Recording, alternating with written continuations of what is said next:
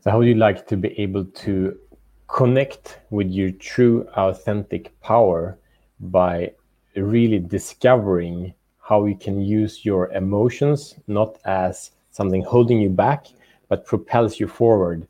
And by that, doing getting so much more done, but with so much less effort and, and more ease. Uh, so we're going to talk to, about this today, and I have an amazing guest that I'm truly honored to have that I will introduce in a little bit. And we're going to dive really deep in how you, as a man, can re- de- yourself and see yourself from different perspectives that allow your world to be beautiful. And this man, he he lives this. I've been observing him uh, for I think about a year, and I've seen the results that he's creating for himself as well for the people that he supports. So it's a true honor. And uh, I will tell you a little bit more about him. But first, welcome to Show the Fuck Up uh, podcast. This is the yes. show that frees men from the prison of playing small and where we can create lives beyond compromise, lives where we can live a life of purpose, passion, personal power, and profits. Hmm. Love that. So, Nick, I want to hear all about you. We're going to go deep today, I hope. But thank you so much for being here. Thank you for having me. I really appreciate it, and I'm looking forward to us jamming for a while. What? Who will we be on the other side? Who will we be on the other side? I mean, if I knew, then then this would be a scripted program show, and I, I love that the beauty of this is it's just going to be a, a, conversation, and we can evolve and change in the next 45 minutes to an hour, and, and have no idea where we'll, we'll where we'll end up, and that's the beauty of these types of conversations. So, tell me, you're uh, a husband and uh, an author, a yeah. dad, mm-hmm. a men's worker, or what you want to call it, you're supporting men to evolve. Can you give me your your story? Where do you yeah, come man. from? Why are you the man you are today? uh, I, I, kind of joke about this that my it's it's all my wife's fault, and uh, that she is the the reason that I kind of went down this weird rabbit hole that I now find myself in. It's a beautiful rabbit hole. I'm not going to say that it's a, a problem by any means, but um, my story kind of starts with her in terms of how I got here. So I, when I was in my early 20s, I was dating another girl for about four and a half years. Um, it was a very stagnant relationship. Like we were civil, but it wasn't a, a passionate relationship. And I, I just kind of assumed that this was the next step. Like I've been with this girl for a while, you know, we'll settle down, we'll have kids. I felt like that was just going to be the existence that I had. Um, then I kind of woke up and realized that I was just kind of going through the motions in that relationship, but also in everything else in my life. So I that was the the kind of the the first domino in all of this was breaking it off with the ex girlfriend, um, kind of clearing space in my life for something else, and then I met my wife a month later. And um, the reason I, I blame my wife for all of the transformation that I've gone through is, you know, I, I entered into the relationship with my wife having some assumptions about what love and relationship could be like. Um, because with with the other girl that I was dating, like I said, it was very civil. It was, um, you know, we were kind to each other, but there was no passion. There was no deep connection. Um, and I, I, felt like it was less than I, I, wanted, but I just kind of had accepted that this was going to be my reality. Um, and then when I met my wife, she kind of just blew me away with what my assumption was versus what reality could be. And I, went from this place of assuming that you just kind of settle with someone and ride this thing out to realizing that I can have everything that I want and more in a person and a partner. And when I, I kind of realized that, I, I took a step back and said, all right, so she gave me this great realization with love and relationship. She showed me that I can have more than I thought that I, I, deserved or more than I thought was possible. What if I took a step back and looked at every other bucket of my life and said, well, what if I looked at money in the same way and realized that maybe everything I thought I knew, I didn't know. Mm-hmm. maybe everything that I thought I knew with health and fitness was wrong. Maybe I can take a look at all of my perceptions and all my my thoughts about these things and start to shift them. And that was kind of the snowball that started everything. Was me realizing that what I thought I knew wasn't necessarily true, and there's po- probably more to be had out there. And then as things progressed with my wife and I, and we got married and eventually had our first first kid, it was I, I stepped more into more and more into this this space of I now have a responsibility to someone else besides myself. You know, when, when it was just me and it was just me kind of uh, doing the best that I could for myself, the the purpose wasn't there as as um, as deeply as it is now. So every level and and kind of uh, opening of my heart in in terms of getting married and, and having a kid, it was like, okay, I have people that that are now depending on me in ways that I've never experienced. So I need to show up in an even eh, more loving way, more transformative way. I need to keep evolving myself so that people see that, so people can uh, understand that they're safe and, and taken care of within my presence.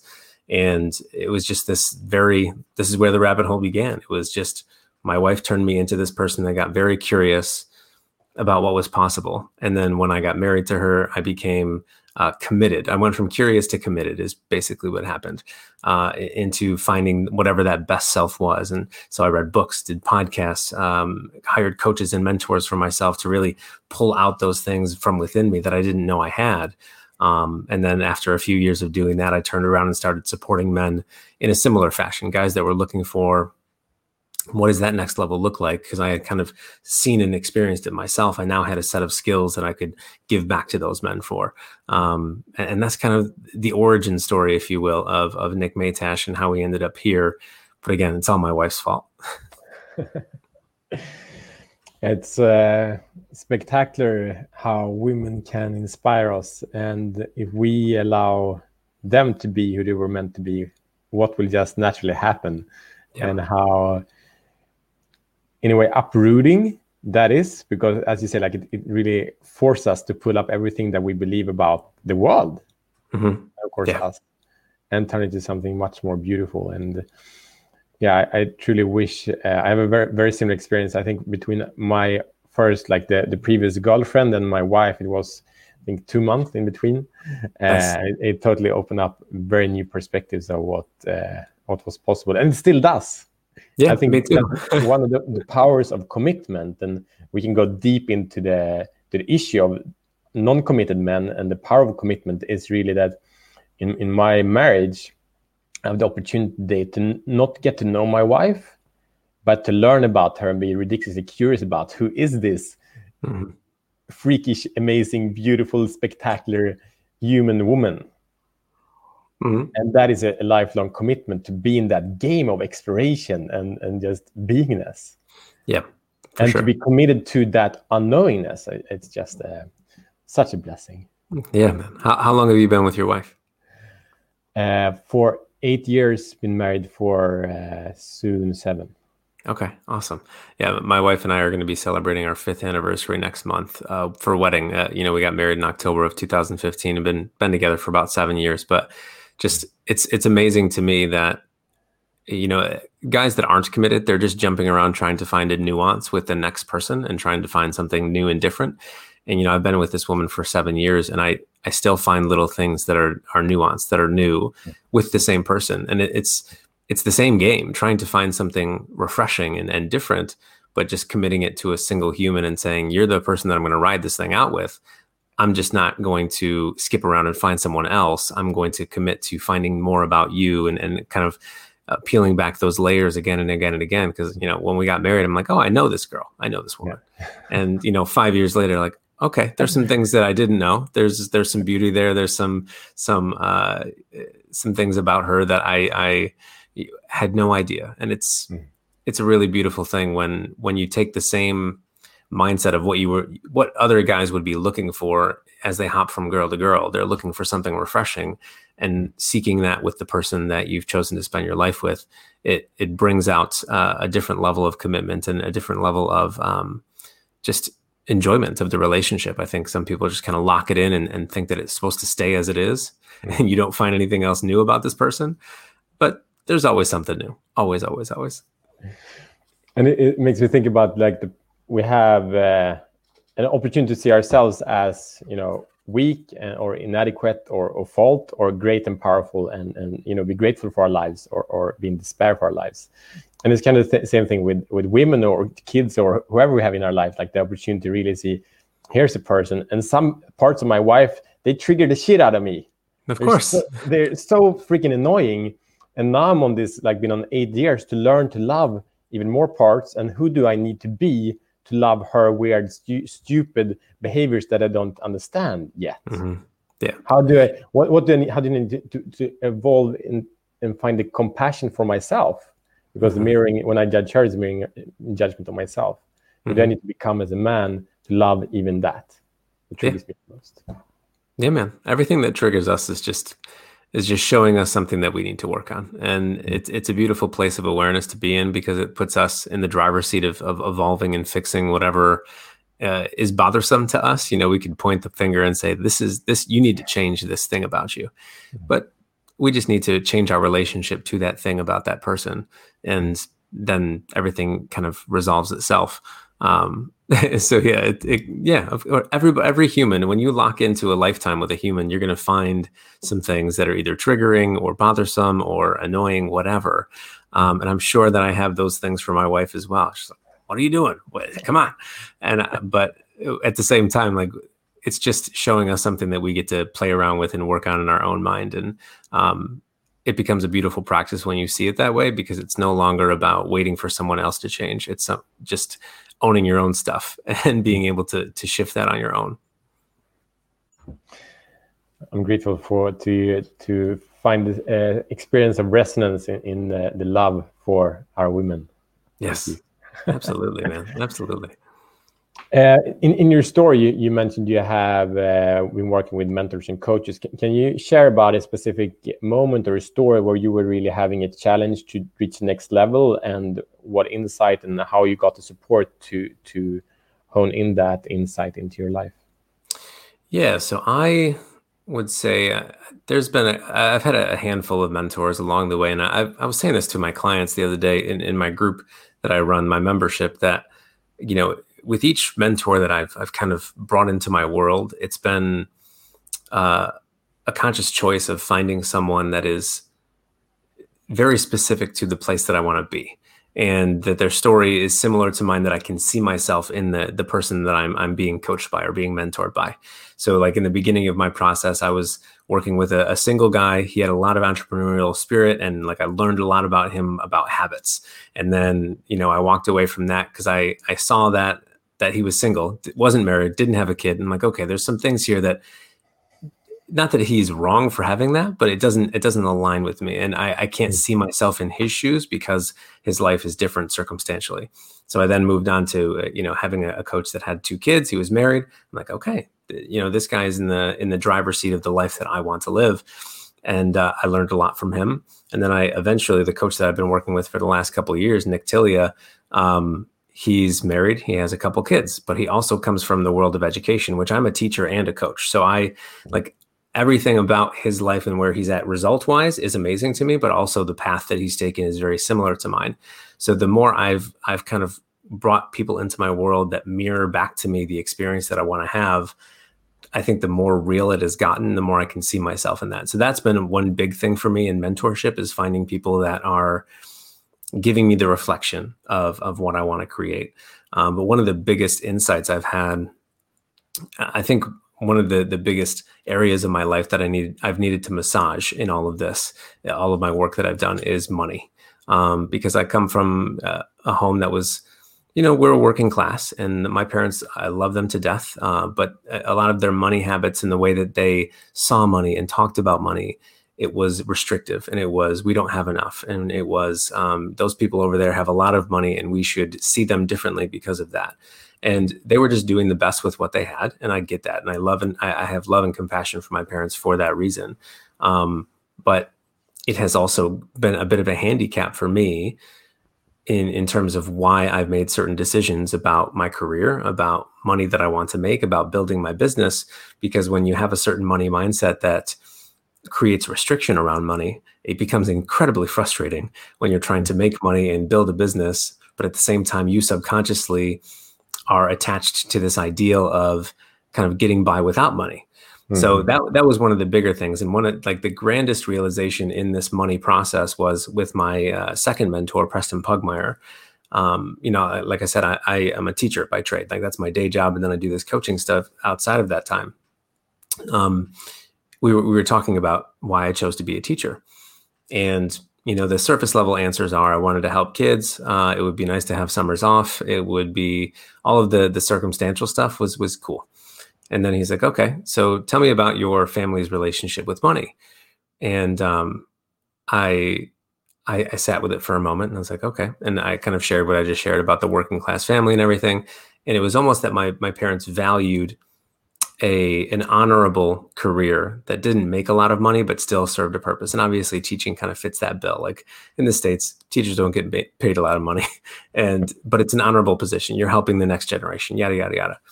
And I remember when I was in college, I was taking a math course because I'm a math teacher. So my brain's decent. I can understand math. And uh, my professor said, like, if you want to make money in math, do do this. Like, go be an actuary or, or go be an analyst. Like, you could you have the math mind for that. If you don't want to make money but you want to serve people, go be a teacher. And it was almost like there was this little voice in the back of my head that said, your parents would be proud if you chose the teacher route because it wasn't about the money; it was about serving people. And there's nothing wrong with that because obviously in my service-based business, I'm taking care of people and serving people. Mm-hmm. But we can also make money while doing so. And I think one of the, the the the realization became that I chose to be a teacher because I knew my parents would be proud that it wasn't about money and it was about just plain service because teachers literally don't make a lot of money. Yeah. And I valued that part of it.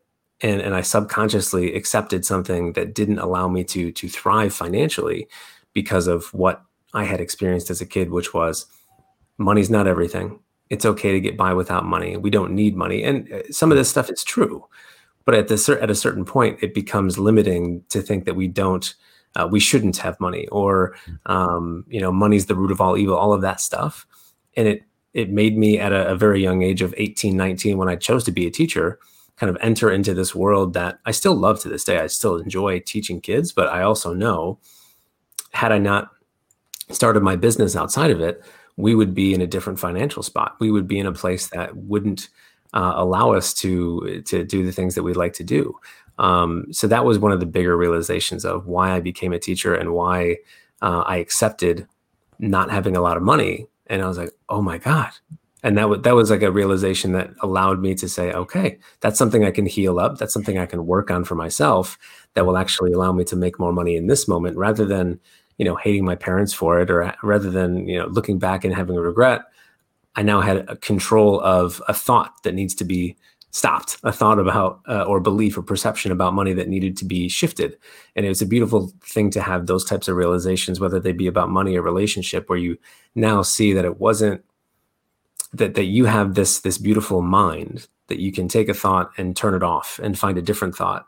And that's going to make all the difference. And that was for me ever since that I, like i always reflect on that and like those are the moments that that are wonderful about coaching. And those are the wonderful the moments i love like giving to my my clients giving them that awareness and that perception shift.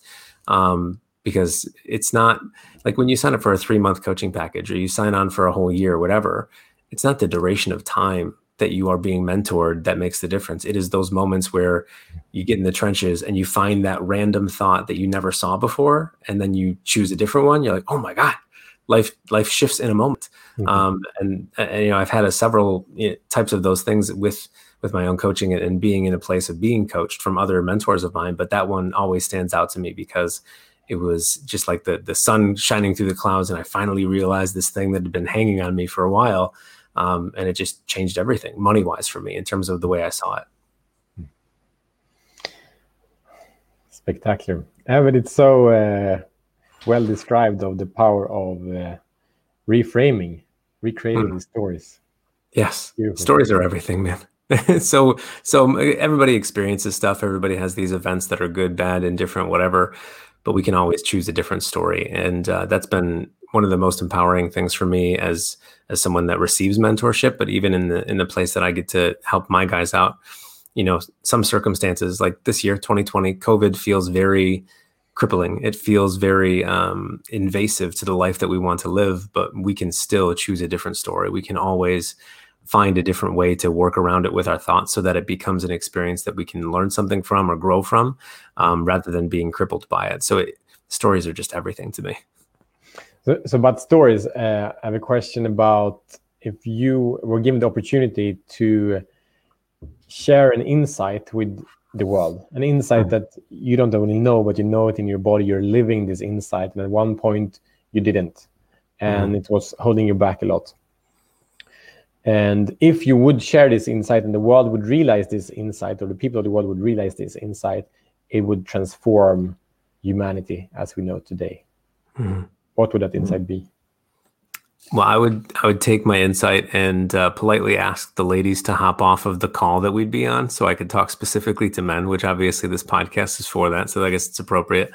And I would tell men that your emotions are valid and your emotions are useful and your emotions are powerful, and it's not something that we should ignore, even if our conditioning in our culture says that men are supposed to be tough and rugged and rigid the emotional side of every man is is something that needs to be awakened um, for many reasons. And I think that the first reason is we've been taught as men to to not feel, to go out and make the money, to protect, provide, have those roles, and those roles are beautiful. But when we also implement our own emotional self and find ways to to process and work through grief and work through frustration and overwhelm in in productive ways rather than just shutting them down and acting like they're not there because I always I tell my guys like when they're going through some stuff. Like I have a couple clients right now who have lost parents uh, within the last couple months, um, some COVID related, some not, and I tell them like, if you try to just push this thing down, your emotions are like whack a mole.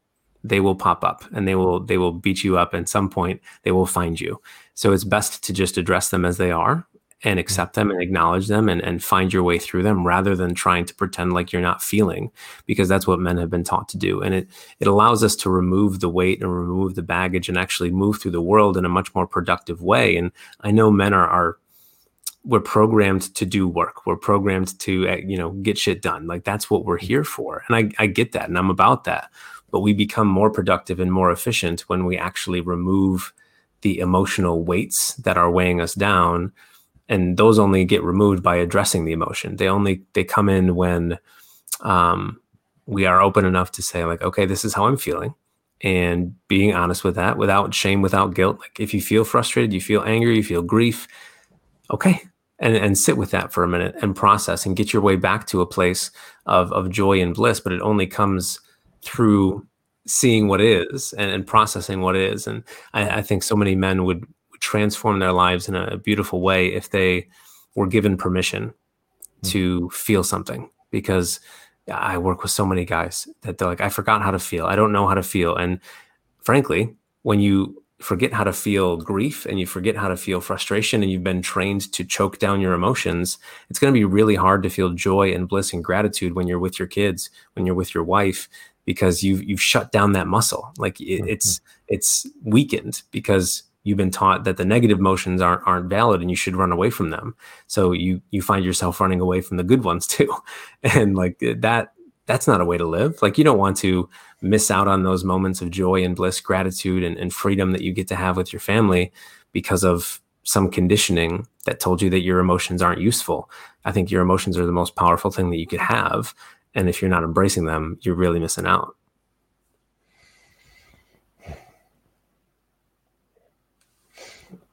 I get this uh, this image of uh, men in the past uh, when we've been say the, the hunters, mm-hmm. and the, so men are very mission oriented. They want to take action, want to solve problems, get things done, to be able to provide. Mm-hmm. And then with the hunter, the question is always present for men. Like here is here's an, a mission. Uh, here's something I will provide. And the question some ask consciously, some subconsciously is, what resources or abilities do I need to execute this mission. Yep. And with the with the hunter, okay, he needs strength, he needs focus, he needs some kind of communication if there are other hunters, and it, but it doesn't need any emotional resource. If he would anything happens, he would feel that that would actually distract him. Mm-hmm. So this emotional shutdown is a super effective method for that world. Yeah. And then today we live in 2020, and the mission is to be present dad, is to be mm-hmm. a loving husband, it's to be a good friend, it's to be a community leader, is to uh, bring in money and and and create a career. So it's such much more complex world. Mm-hmm. But the moment I experience when we take take make all of these like a specific clear mission and ask ourselves what what, what resources and abilities do I need to execute this in a beautiful way on the on the standard I want. Yeah. Then, just as you say, that the, the, the emotional awareness becomes a must and it, really needs to be the center of our focus to be able to provide and deliver that for our world yeah and i would even argue that back in the day when they were hunting their emotions were still there and still useful. It just wasn't as complex as it is now because the emotion of fear was probably the driving force, the fear of being eaten by a lion or whatever. And it wasn't that they shut down the fear, it was that they used that to gauge whether they should go in and, and hunt here or hunt there. So they had the emotional awareness. It wasn't just bogged, it wasn't bogged down or addressed as something that was negative. It was useful. So they used the fear to avoid or not avoid certain parts of the hunt. Whereas now, you know like you said there's there's so much more going on that you know your emotions are not about just going out and hunting for food it's about being present. It's about being a dad and a husband and all that fun stuff that we get to do. But if you are only using the emotions of fear in your life in 2020 it's not going to be a fun experience. There's it's a um, it's a much more uh, evolved palette of emotions that we get to choose from and, and play with. Um, and they're all purposeful. They all serve their purpose. You know, I, I, you know, like I said, I have a couple clients working through grief right now, and the last thing you want to do is is run away from it. You want to dive into the grief and address it and process it because when I, I was speaking with you before we started recording here, like we lost our dog last year, and she was like the most significant loss that my wife and I had ever experienced. And the reason that the grief felt so heavy was because the love was so big when she was here hmm. and that's why grief is there it's to really process and come back to this idea that i'm i'm sad and i'm grieving because i lost the physical version of this love that i had in my life and that's okay to be there. And so many guys are just like nope i'm to move on. I'm going to find something else to do. I'm to go try to make money because that's what i my family needs right now. Um, and it just I, it doesn't serve the the purpose fully if you're, you're not feeling how you need to feel so that you can move on in an appropriate fashion rather than playing that whole whack-a-mole game of saying like oh this isn't real. I'm not feeling the grief. I'm not feeling the overwhelm. I'll just find something else to distract me because the other stuff will come back. It will pop up and it will address you um, probably in a moment that you don't want it to. So it's always just the most useful and productive and and um, effective to just address it and be there with it and, and allow it to be there and then move through it rather than moving around it and trying to avoid it. So uh, I know we, we are very much on the topic, uh, but can you, uh, in short, describe the, the problem, the issue that you see men have that makes them struggle and live a life of that they do not want? Yeah. So I was asked this the other day, and I, I think the biggest thing that causes or leads to unhappiness in in men is our conditioning and i've spoken to this a little bit already but we grow up and our, our parents doing their best uh, whether it be our, our dad specifically or the culture of men that we see as the adult figures in our life it seems like there's a, a very large emphasis on the role of being the provider and going out and making money, putting food on the table, and making sure that people are taken care of in that sense. So, being young children and seeing that from a modeling perspective, we just assume that that's the absolute truth. That's our absolute purpose. That's what we're here for. And you come into adulthood, then what does that make you do? That makes you go and find a paycheck or chase a paycheck or chase a dollar in your business because you think that's your number one role and that's all you're here for.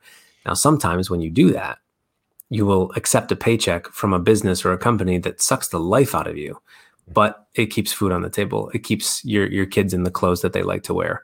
And in terms of how that leads to unhappiness you get 10 20 years into that accepting a paycheck because you believed that your role as provider is the number one thing that's important um, that you settled and you tossed away a part of your your uh, your heart your soul in favor of this paycheck that you said or you you believed you, your perception said was the most important thing. So you get 10 20 years down in and you turn around and you say who the hell am i? What am i here for? I don't even know what i like and dislike anymore. Um, because you lost yourself to a paycheck. And is it your fault? No it was your conditioning. But at this at the point of understanding that it was the conditioning that caused this we now have some evidence and we have some some stuff to work with. Like I was saying with my whole money story, that I, I had this grand discovery. I could I had one of two choices. I could blame my parents for giving me this story that allowed me or or disallowed me from making a lot of money, or I could switch the thought off and choose a new thought for myself and, and create from that place. And that's really, I think, the biggest thing with guys is most of them have this realization 10 20 years into a career or to a life it could be even a marriage you choose a marriage because you assume that by you know mid 20s you're supposed to be married. That's the that's what's supposed to happen. And you choose a partner that isn't really for you. You just assume that this is the timeline so i have to stay on that. And then you get 15 years into the marriage and you're like i don't even know who i am. I don't like the person i'm looking at and it becomes a struggle of of a self identity crisis because that you know the whole midlife crisis is a thing because of our conditioning assuming that we're supposed to choose someone early we're supposed to you know lock into a paycheck just so we can pay the bills and get keep uh, keep food on the table. And you let time pass and you get 15 20 years into that and you're like oh my god i don't like myself i don't like my life because i chose this thing out of this unconscious decision that it's supposed to be a certain way. And i think the more we can wake men up to living consciously and making these decisions in a conscious way rather than just assuming that the way that I saw my dad do it, the way that I saw my my grandpa do it, the way that I saw my uncles and all the male role models I had, the way that I saw them perform and act as as men, husbands and fathers, if we assume that that's how we're supposed to be, the the culture doesn't move forward. It's always going to be an evolution. Like I hope that you know my son my daughter as as they grow old and they watch me evolve continually because i'm not going to stay stagnant i hope that they see that their job is to continue to do that as well and to to live a life better than the one that i have because mm. i would i would be very upset if i although i love my parents dearly and i hope that they would be upset too that if they saw me living exactly as they are that there's no movement there's no shift there's no evolution our job is to continue to evolve the the race frankly the the human race by learning from those things. And I think by just following our conditioning and assuming that I'm supposed to get a paycheck, I'm supposed to marry someone, I'm supposed to have kids by, I'm, by the time I'm 30, whatever the the rule is that you've agreed to in your mind, those need to be addressed. Not to be like you don't have to address them and automatically dismiss because you know maybe finding that person at 20 years old was the right move for you, but you can make the conscious choice rather than just diving into it because you think that's the right answer. Does that make sense? And it, brings like conscious choice like that's a big big question about do we have a free will and so on so we're not going to dive into that but, but i want to invite for like the because i experience talking to men when making decisions everyone have an experience that they're making a conscious choice mm-hmm. but they are but we're living in in a boxed in world where we don't have the other perspectives so we can actually not see the whole picture of what is true so mm-hmm. i'm saying I'm making a job decision because this is a good, as like as you said, I'm I'm choosing, I'm actively, consciously choosing to become a teacher because that's a good thing. I like kids and I I, I can teach, or or that would be fun. So there is a true belief of conscious activity there. Yeah.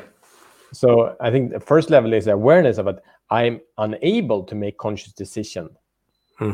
different than from where I am now. And since I don't want to stay on the point where I am now, as say I want to evolve what information, what perspectives do I need to bring in? Who do I need to bring into my life that can give me a different perspective to just question, just identify that the world I have, that I see, is not the world as it is.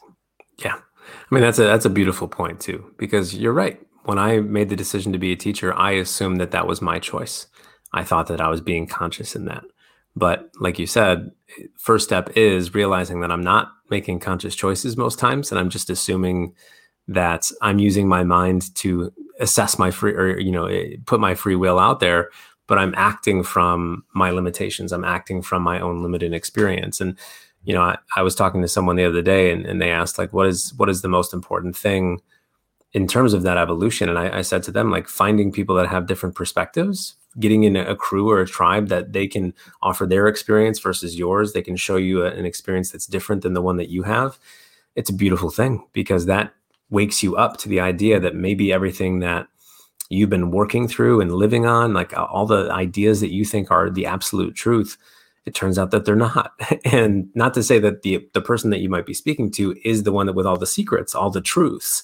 It's just a different truth. It's their truth. And you can kind of create this this hybrid version of what you grew up with versus what you're allowed to to incorporate now and I think that, you know, whether it be mentors that I've hired and brought into my world or groups that I've been a part of, or even now being a coach of a group, I'm still learning from my clients. Like there's things that they have gone through that I have never gone through mm-hmm. um, that, that just add more context to the, the conscious choices that I'm, I'm making for myself.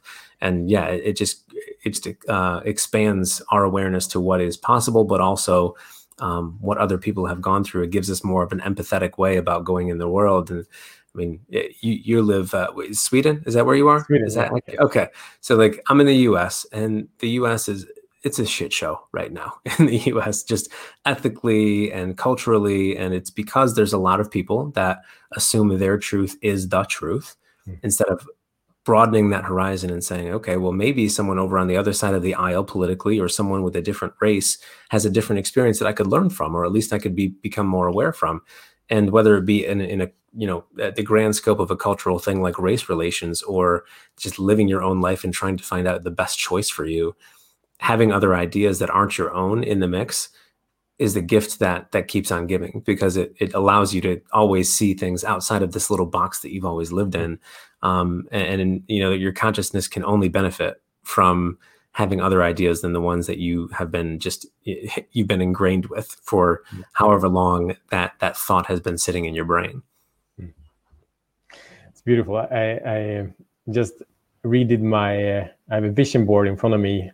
Uh, I will show that for you, but the listeners will not see that. There's a vision board of men on whose shoulders I stand upon. So it's my it's my dad, it's my it's friends of me, it's uh, authors, it's uh, you know famous guys that are doing different kind of things. But yeah. these are guys that have different messages, and they have like they're my mentors, direct or indirect, and mm. they all brought me insight. And when I'm within a conversation, in, in, in a question or in an issue, all these guys, I think there are maybe 40, 50 men on, on this screen, they all have a different answer, different perspective to what would be true. What's the right path to do right now? Hmm. And then I'm, I'm, I can be really stuck here or wherever I am. It's like, oh, I don't get this. Like, uh, you know, I'm a victim. I can't do anything. Uh, you know, I did my best, but it still doesn't work. Yeah. And that that can be my story. And then like all by a sudden, I can ask any of these guys, like, ah, so I could actually be in power. I could actually take action. I could actually move forth. Hmm. Okay.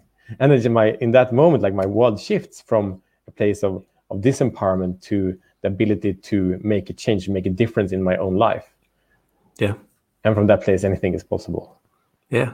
No, I love the the collection of, of men that you just showed me. I know, you know, people can't see it because it's an audio program, but like you have Gary V, and then you have Jesus, and then you have a, a collection of other. It's it's just a wide array, a very you know varied amount of uh, different personalities that have different viewpoints. Like you're not, you didn't just show me ten of the same men that would give you the same answer. There there are definitely uh, some differences between the the personalities that you have there, which you can pull from, and, and obviously they have their own use in different situations. But it's really really cool that you have that different collection of men to kind of see whether it be an actual support or just like asking them the hypothetical question of like hey gary yeah. vee what would you do in this this situation how could i flip this for myself like just having that as a a place of awareness something that you could just speak to directly at your computer screen that's really really cool and and on something i just realized now when we look at because you said it's, it's diverse but actually i know you've been actively sharing your thoughts on, on the black lives matter there are some different uh, cultures represented on, on my screen, mm-hmm. but th- there is no black leader. And mm. it definitely. So yeah. I will, I will, I will, uh, I will do that uh, and bring in more diversity.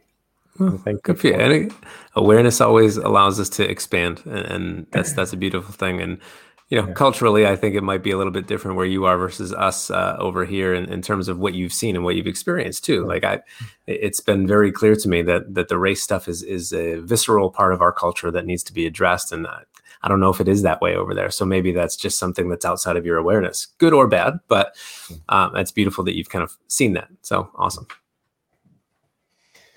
Um. So uh, we have an issue with the conditioning we grew up and we kind of assume our future. What's the solution? Uh, how do we make a difference? And and and uh, then after that, I, I invite you to share what action can can we take to integrate this solution. Yeah, I think the the solution to the the problem of our, of our conditioning is one being aware of it. You have to be aware of the problem before you fix it, and you can find that awareness by listening to conversations like this, or just kind of taking some inventory of some of the choices that you've made and take a look at like, did I choose that or was that my parents? Did I choose that or was that my environment that said that this would be a good idea or I would get love for making this choice? I think that awareness is the first step. Um, and then once you find the awareness, consciously seeking people that are outside of your bubble, um, whether that be in finding, and this is what I, in my own journey, I've loved being in uh, coaching programs or, or, situations where it's a group. Uh, one person is empowering because you're sitting with one to one having a very meaningful conversation. But when you insert yourself into a group of powerful people that are actively trying to change and evolve themselves, and they obviously naturally will bring their own perspectives to that that shift, um, you just get such a, a, great collective of different information and different experiences that you can learn from. Um, so yeah, once you have the awareness, consciously seeking out people that are outside of your bubble, so that you can start to um, see the validity of an experience that isn't yours. Because uh, you know, if we always stay in the box that we grew up in, and this is something I was talking to a client about the other day because we grew up in the same town. I was like, if you stay where you've always been, emotionally, mentally, or physically, it's it's really impossible to escape the conditioning that has been donated to you. Mm-hmm. So, you know, moving away from me, I moved away from home when I was 25 when I met my wife. And that was another gift that she gave me that, you know, her love drew me away from where I was from. And it's not to say I hate where I'm from. It's just that it gave me a new experience. Like it was literally, I had to go find a new way to to work. I had to, um, you know, find a different grocery store. I had to take all of the things that had become so automatic in my life and build new relationships and build new neural connections in my brain. Um, mm-hmm. so consciously seeking an experience that's not yours and something that you can learn from is how you can step away from the conditioning because otherwise the conditioning will always be there running in the background. So you, you just have to find people, you have to find experiences, you have to move and find a different location, something that's going to shake you from your sensory experience of this is the way that life is because otherwise it you're going to stay locked in. So whether it's moving and seeing a different place or finding a person that allows you to hear a different story uh, it's just so important to consciously seek that in in your experience so that you can bring different uh, approaches and perspectives into your world. It's like the only way that you can start to interrupt the thing that feels so true to you is to bring in something that doesn't feel wrong and all of a sudden you're you're questioning is my experience right wrong indifferent? It doesn't matter but questioning it allows you to start to see some of the cracks in in the foundation of what you thought was the absolute truth. Hmm. it's powerful shift to move from a world of i'm looking to be right or and looking for people that are wrong to the world of just looking for different to not value. Hmm. there's nothing wrong there's nothing right. What is different? What is different? What is different and what yeah. is the place of most potential or most most potency in this moment? Yeah. Right. Whatever is, is going to serve you best frankly. Like it could your parents could absolutely disown the idea of something else that you're entertaining but if it serves you and it feels like growth to you then that's something that you should entertain for your own journey you know because frankly your parents are going to see the part of you that they want to stay as fixed because they have trusted that that construct of whoever you are is the person they've loved for however long they've loved you. And if you change that, if you start doing something different, red flags are going to go up. And that's okay. They'll still find a way back to love for you, but they're going to be weirded out by you trying something new. And if it's for your purpose, if it is for your best benefit, then you got to explore it because that's the only way we get to change. And quite often, the only way to figure out if it is for our greater purpose is to fuck up. it's very true. It's very true. So, what uh, challenge are you inviting us to uh, do to bring in more awareness? So, I would say the the best way to grab some awareness for yourself is to do some inventory of some of the the bigger life choices that you've made, and just ask yourself: Did I did I make this choice out of a a conscious want, or was it that I was just following the pattern of something I would have gotten love for. I think that's one of the bigger things that some people just aren't aware of. They feel like it's a conscious choice, but in the subconscious, us fearing being disowned by someone and not receiving love is a big driver. So, like, I knew when I said I was going to be a teacher to my parents that they would have applauded that. They would have given me the standing O. So that was a big driver for me, even though I consciously thought that I was making the choice for myself. So I would just like sit with yourself for a half hour, 20 minutes, whatever, and do some journaling about some of your larger life decisions and ask yourself which ones were conscious, which ones were yours, and which ones were your parents, your cultures, your um, your political upbringing, and all of those things. And once you start to piece together the puzzle of how much you were conscious and how much you were unconscious, you can start to see like, oh, okay, I'm living the life that my parents said would be the good one versus the the life that I wanted or the life that I, I consciously was working through. And once you have that inventory, now you have a, a ratio, if you will, of this is what I chose versus this is what I didn't. And if you want to make more choice, if you want to feel like you have a more empowered say in the way that you're living, start to shift the ratio more towards you. And it doesn't mean that everything that you've learned from your parents now gets tossed out because I've learned a lot of beautiful things from my parents. Like I love them dearly. And frankly, the reason that I wanted so so desperately a love like I have right, right now in my life is because I observed that. Some of the modeling and conditioning is a beautiful thing. Like I wanted wife and kids because I saw my parents have a marriage and kids, and it was an awesome experience from the kids' perspective. So there's some beautiful stuff there. But there are some things that I would not have consciously chose and I I just kind of walked into life and started living it without thinking about it. So I would just sit down, do some inventory, and from that inventory, start to make some more conscious choices moving forward that will shift you into a place of, of living the life that you want. It's like for me, one of the bigger, uh, if I were to do this inventory for myself, and I have from time to time, the one big choice that was against all of my conditioning was moving away from home and moving to where my wife is because my entire family has stayed in that spot. My mom, like the house I grew up in, was the house that my mom grew up in. Like, think of that for a second. She bought the house from her her parents after her mom had passed away. She she uh, bought the house. So I, I'm my family has been in the same spot for two generations now. And my brother still lives at home. He's 30 years old. So it, possibly three generations. I don't know. Hmm. But that that conscious decision to move to where my wife is and live an hour and a half away from my parents and be separate from them that was something that was mine. And it like i said this is all my wife's fault. This this whole evolution of mine it was because i had the balls to make a conscious choice. So having the inventory in front of you one you'll start to see that you have made some conscious choices for yourself and celebrate them. But two you'll also now see that maybe there's some things that you can swap swap out that you can switch up um, because when you see that now you can't unsee it. You can't not see your uh, your tendency to just follow through with the rules that you learned when you were a kid. Um, and it just gives you the space that you can now see that there's there's places that you need to shift and, and now you have permission. Uh, I want to make two distinctions. So when we make uh, decisions from the path from what we've been taught to, we can either do the same or we can do the opposite, like the the, the rebellious teenager. That's also the one that actually is in creating a life by design by the parents, but opposing that instead. And then another part, powerful part is that when we made a decision unconsciously, we don't need to undo that. So if, if you're listening to this and you're married with someone and you see that's the perfect blueprint of where you should be married, you right. can still make a new decision today about what is my new intention, why this is the decision I want to make. And by that, recommit to our wife or to the job we have or whatever, but with a different purpose based from different values. Yes. Yeah. You do not need to like detonate your entire life once you've done the inventory. It's just about, and we've, we've said this before, but your story about what you're experiencing is the most important thing. So if, even if like yesterday you were like miserable in your marriage or miserable at your job, um, and now you, you know, we've asked you to do this inventory and now you're like, oh God, I got to get rid of all of it. Not necessarily. If there's, if something is toxic, then yes, please get rid of it. But if it's just become mundane and mediocre and you're just looking for a way to shift things, it is now you've woken up to why you're here mm-hmm. and why you've gotten to the place that you are. But now you get to tell a different story.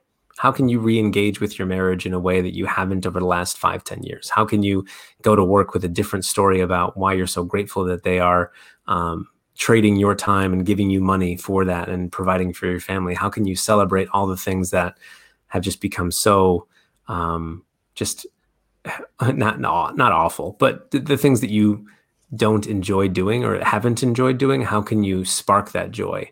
How can you tell a different story that brings you to that space um, in a different way? And that's that's where everything shifts because the circumstances i promise you will change as you change or as you you your view of them changes. So yes please don't detonate your life and make it uh, go back to ground zero. That's not necessary. Some people think that it is. It's not necessary. Change your story. Change your attitude about the way that you're showing up. And i promise you some of the other stuff will start to shift as well. So how can uh, men connect to you? They want more nick. They want to evolve more. What can they do well, you can find me on Facebook and Instagram, both at Nick Matiash. Um, the last name is M A T I A S H, which does not sound like it spells. So have it for what it is there. But those two, you can find me for sure. I'm posting pretty regularly on both and, and interacting with people on there. Um, you can find me at my website, nickmatiashcoaching.com. Um, and also the Evolved Man membership, which I'm super stoked about. I love it. It's a great, great group of like 20 plus men at this point, um, husbands, fathers, entrepreneurs, and they're all leaning in. And and leaning in when i say that i mean that they are um, walking through life and not trying to avoid things along the path. And they're they're learning from their own mistakes and they're evolving through their emotion and they're still taking action and getting stuff done but they're doing it in a way that is more holistic and less about just making money to make money. Um, and that that one is is just probably my pride and joy right now is the evolved man membership. Um, and you can find that on my website too. Um, but yeah, I think those are the that runs the full gamut of the ways that you can find me. Thank you so much, Nick, for showing the fuck up and guiding me and us through a journey of how we can be more who we are and allow all of our emotions to be. Thank you so yes, much. Yes, absolutely, man. Thank you for having me on. I appreciate it. I'm looking forward to see the world of men evolve uh, with your leadership. Thank you. Thanks.